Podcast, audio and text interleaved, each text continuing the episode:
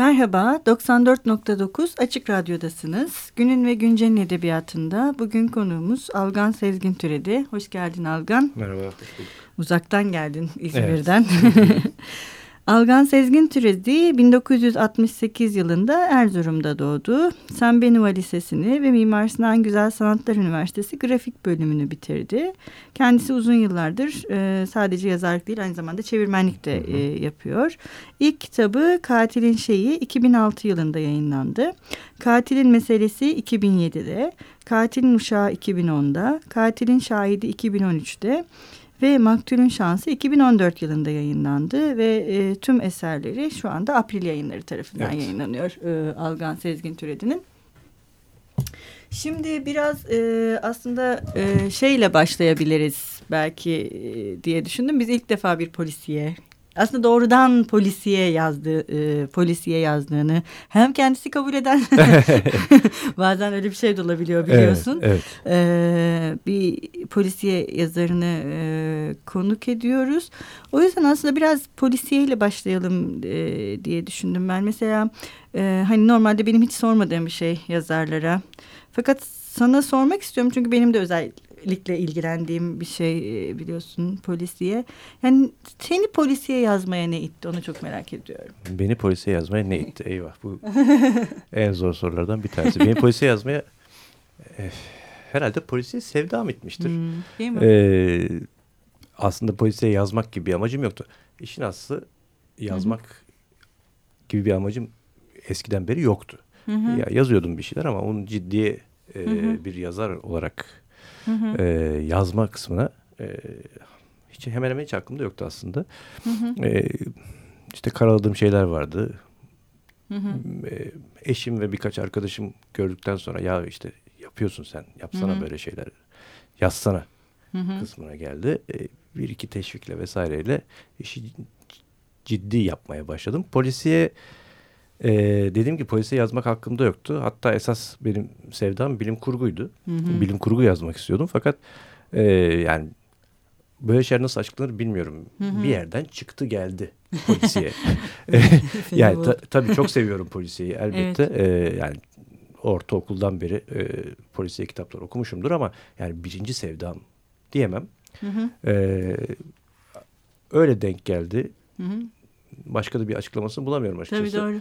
E, ama baktım oluyor yani yapabiliyorum. Evet, e, yapabildiğimi e, benim dışımda fikrine, e, görüşüne, zevkine çok saygı duyduğum birkaç kişi daha söyleyince aa belki olur belki bakalım bir deneyelim bakayım gibi. Hı hı e, yazmaya başladım ondan sonra. Yok gayet iyi olmuş.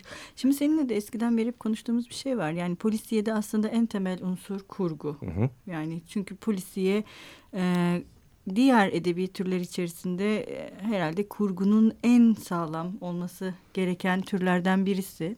Ve e, yani Türkiye'de de yazılmış polisiyelerde yine bu da seninle daha önce konuştuğumuz şeylerden birisi. Kurgu nedense çok es geçilen bir şey. Evet. Ee, yani. Fakat senin kitaplarında şöyle bir şey var.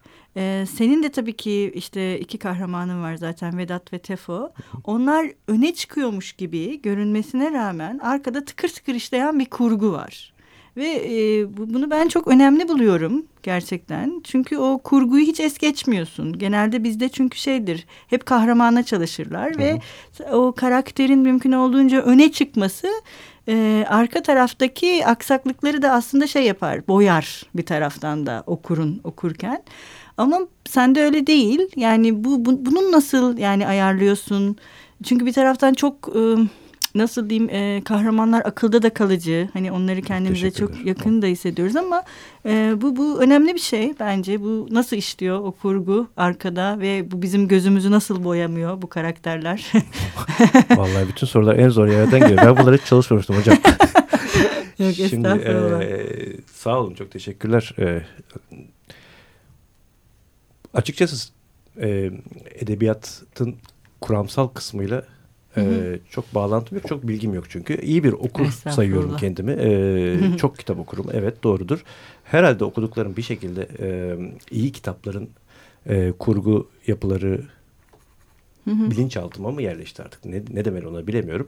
Bilerek, kastederek iyi bir kurgu yapmaya kalkmadım.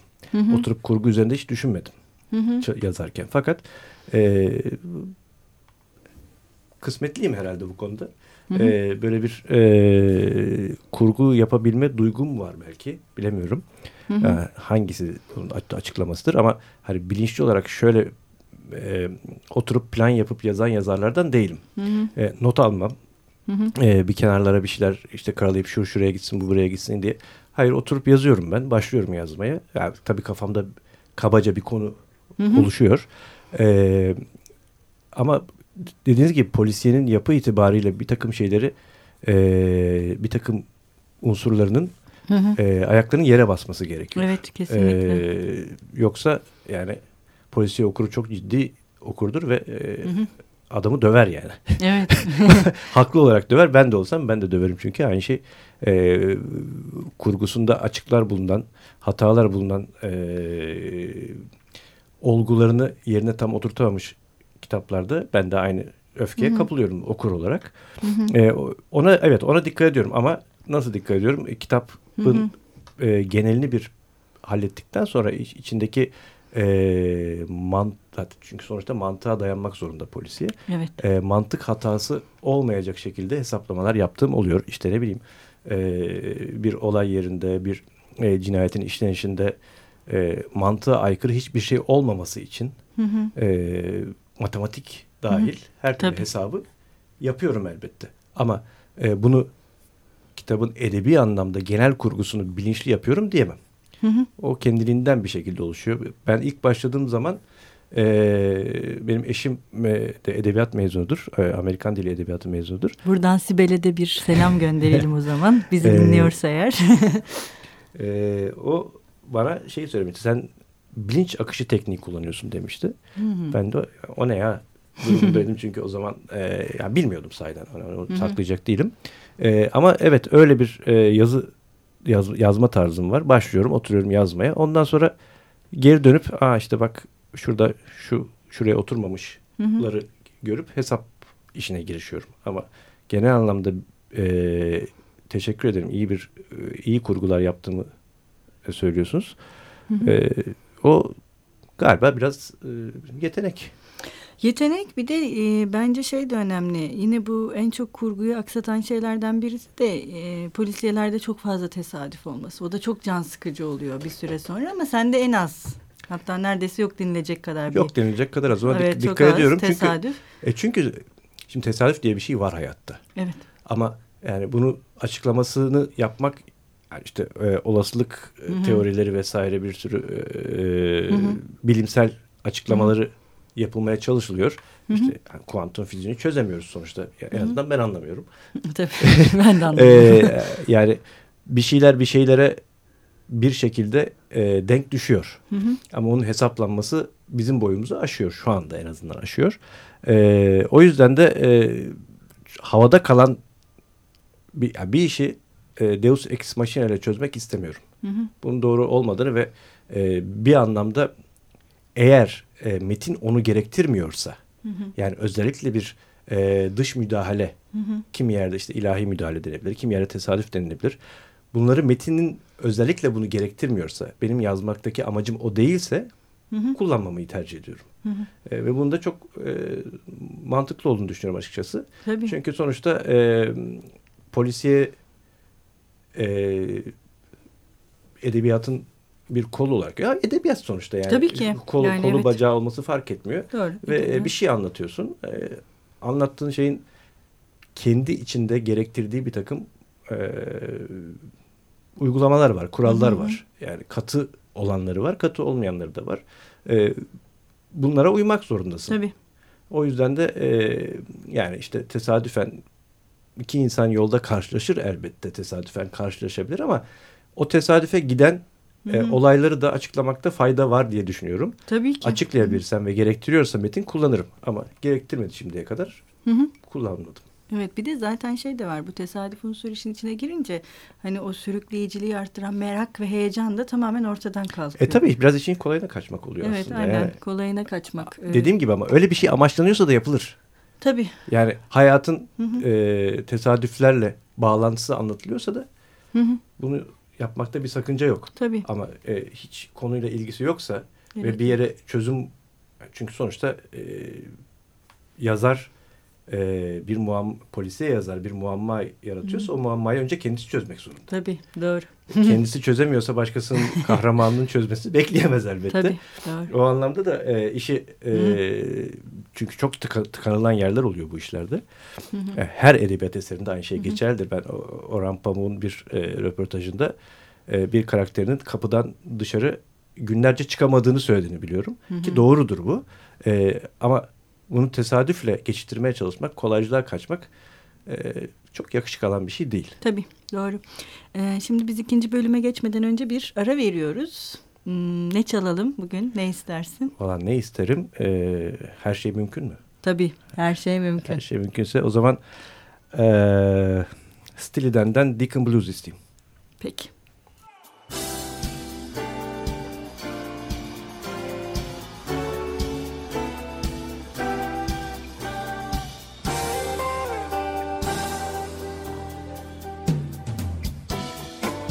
This is the day.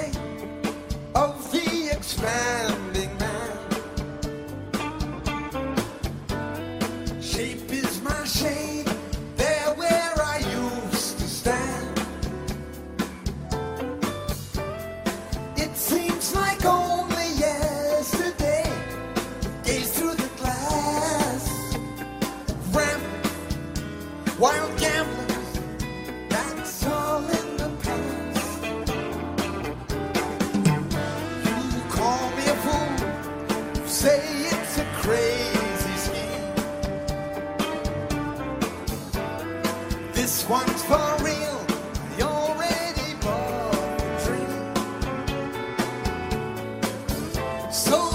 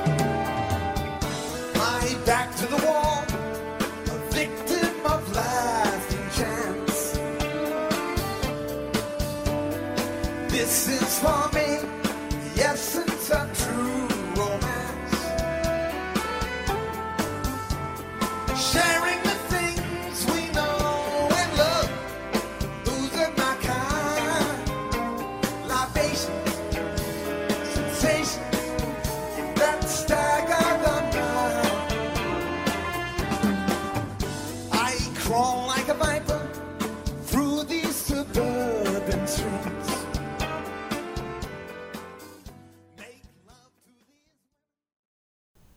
Merhaba tekrar 94.9 Açık Radyo'dasınız. Günün ve Güncel'in edebiyatında Algan Sezgin Türedi ile birlikteyiz. Ee, şimdi en çok kurguyu konuştuk ilk programda. Biraz tabii yine kurgudan devam edeceğiz ama şimdi senin kahramanlarından e, e, zaten bir tanesi anlatıcı yani. Hı hı. Ve dolayısıyla anlatıcının konumu da çok önemli evet. senin için. Evet. Yani bu konum niye bu kadar çok önemli? Evet neden öyle bilmiyorum ama hı hı. E, bana e, üçüncü tekil şahıstan anlatmak çok zor görünüyor. Hı hı. E, anlatım tarzımdan dolayı olabilir o. Hı hı. E, birinci tekil şahıstan işte anlatıcının kendi ağzından e, ve hı hı. gözünden anlatmaya çalışıyorum. Bunun bir de amacı var tabii. Hı hı. E, belli bir bakış açısına, belli bir karaktere sahip bir insanın e, dünyayı algılamasını göstermeye çalışıyorum ve e, kurguladığım, yarattığım karakterin e, polisiye kalıbı içinde özel dedektifliğe başlayıp e, bunu öğrenirken bir yandan da e, kendi karakterinin getirdiği bir takım Hı hı. Özellikler ve geçmişinden kaynaklanan bir takım özelliklerle beraber e, hayatı tanımasını ve e, bir anlamda olgunlaşmasını da anlatıyor benim e, hikayemde. E, ve sonuçta kendi gözünden anlatıyor. E, mesela ben e, geçenlerde bir e, blogda bir okurun şöyle bir eleştirisini gördüm. E, işte e, kitaplarımda kadın karakterlerin e, yeterince işlenmediğini hmm. e, söylemiş hmm. sevgili okurum.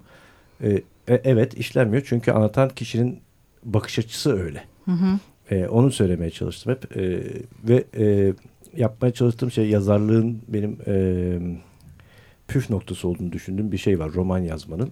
E, onu da kendim bulmadım elbette. Ursula Le Guin'in hmm. bir e, sözünden yola çıkarak e, yazar roman romancının işi yalan uydurmaktır. Hı hı. E, evet bizim yaptığımız şey yalan uydurmak e, ve e, bu yalanı e, bir takım gerçeklerle doğrularla e, okunur, anlaşılır ve inanılır kılmaya hı hı. E, çabalıyoruz. Öykü anlatıyoruz sonuçta çünkü uydurma öykü anlatıyoruz.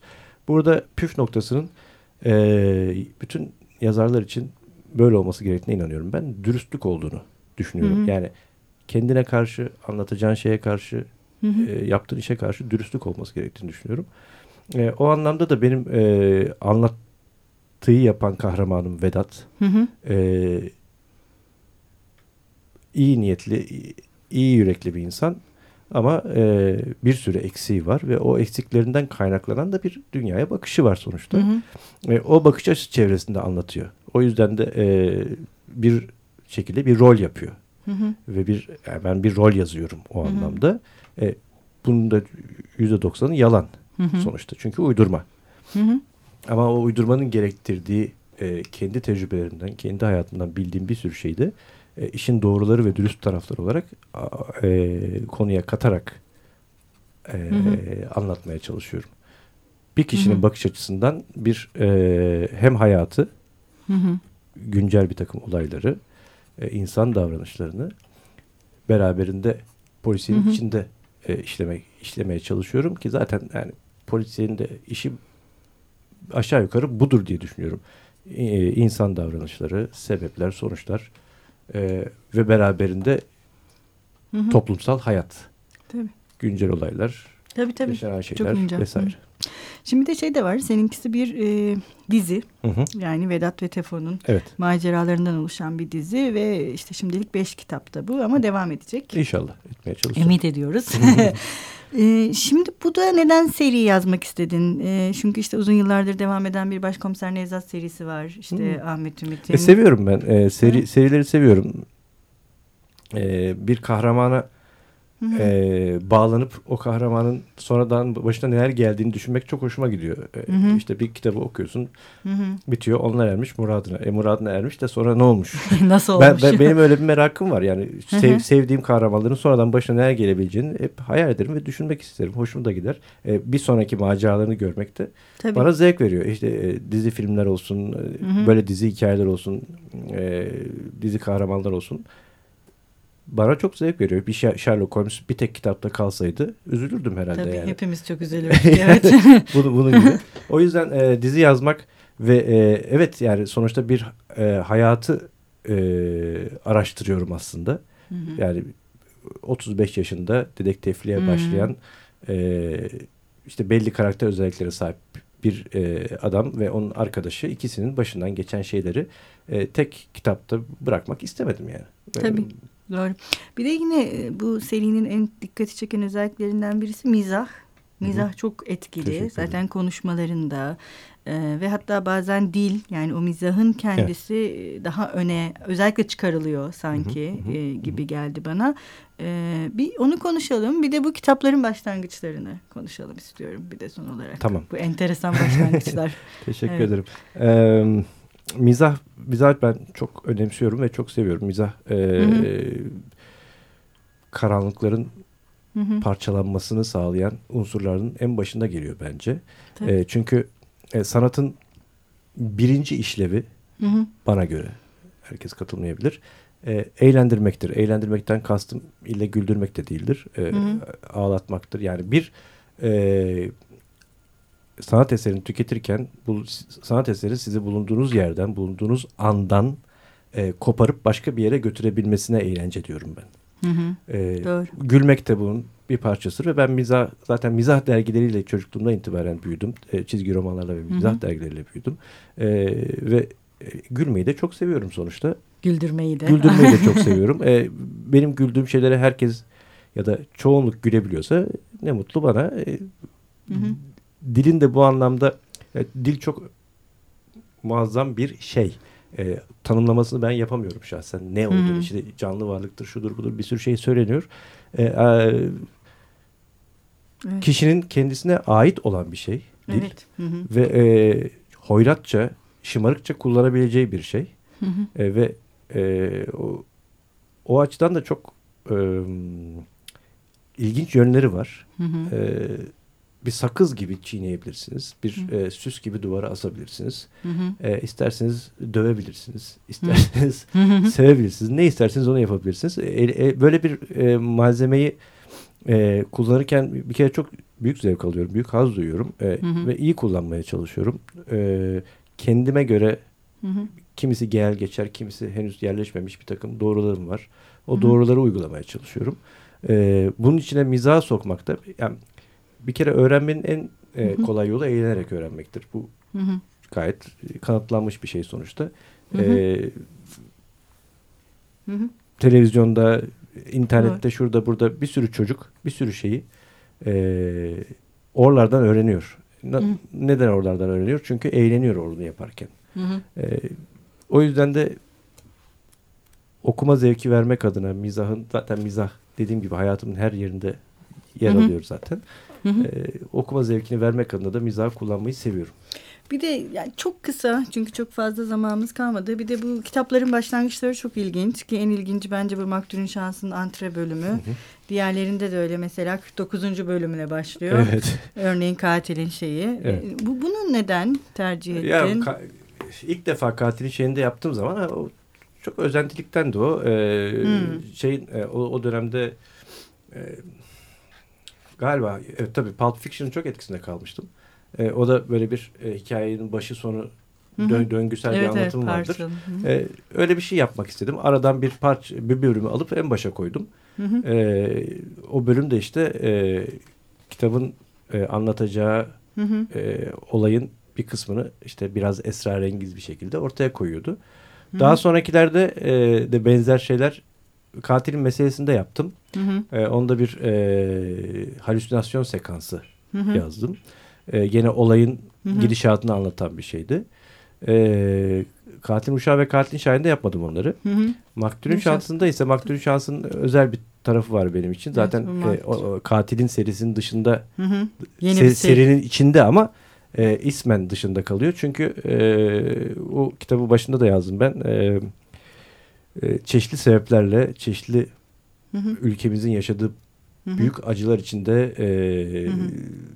can veren e, gençlere hı hı. E, hitaben e, böyle bir şey belki haddim değildir ama yapmaya çalıştım ve onun başında da e, bir e, antre. antre kısmı yazdım. E, bir şiir e, serbest vezin hı hı. diyelim ona. Çünkü şiir gibi bir iddiam yok. E, şeklinde bir e, Homerosvari Evet. Ee, ve hem yazarın derdini hem günün Hı. sıkıntısını anlatmaya çalışan bir giriş yazdım orada. Evet gayet güzel hepsi de. Ee, Alga maalesef bize ayrılan süre bugün doldu. Maalesef. çok teşekkür ederiz geldiğin çok teşekkür için. Ederim, Şimdi için. biz okurlarımıza ve yani okurlarına ve dinleyicilerimize yazarımızın okuduğu bir sayfayla veda ediyoruz. Ee, bugün neyle veda edelim? Ben antreyi okuyayım Makbul şansını. Peki. Hoşçakalın. Görüşmek üzere. Anlat ey peri. Anlat Vedat Namdar özentiyi. Anlat bana o dangalağın başına gelenleri. Anlat nasıl soyundu bu teres. Önce düzüne sonra gıllı gışlısına yazının ta 45'inde. Nasıl özendi edebiyatın en üst seviyesine ve zır cahil cesaretiyle nasıl bindi ayaklarını yalaması gereken Homeros'un, ayak tırnaklarını öpmesi gereken Vergilius'un ve dahi ayak parmaklarının arasında kirleri temizlemesi gereken Dante'nin sırt cihazlarına. Anlat bak ant verdim. İki elim yakanda kalır. Anlat. Hiç ve gram ve zerre çekinmeden nasıl hırsızlık yaptı ustalardan, sanki anlarmış gibi anlatılanlardan. Anlat şunu sıktığı palavraları. Üstüne bir de 40 desen 90, 90 desen 10 bin iki yalanı nasıl salladığını hiç utanmadan. Pek uyanık pek çakal ya hesapta. Uyak bilmez, ölçü bilmez, ayak bilmez, ayak çeker ardını getiremez ya. Bir de üstüne acındırır kendisini satırlarda. Fakat işte ne yaparsın? Güzel laftan anlayan, aklını kullanan kalmadı fazla. Sene dünden sonra bugün. Memleket delirdi, dünya delirdi. Hem bak lirin modası da geçti. iPod mu ne öyle bir şey var. 3G var, 4K var bilmem ne var. Face var, tweet var. Var oğlu var.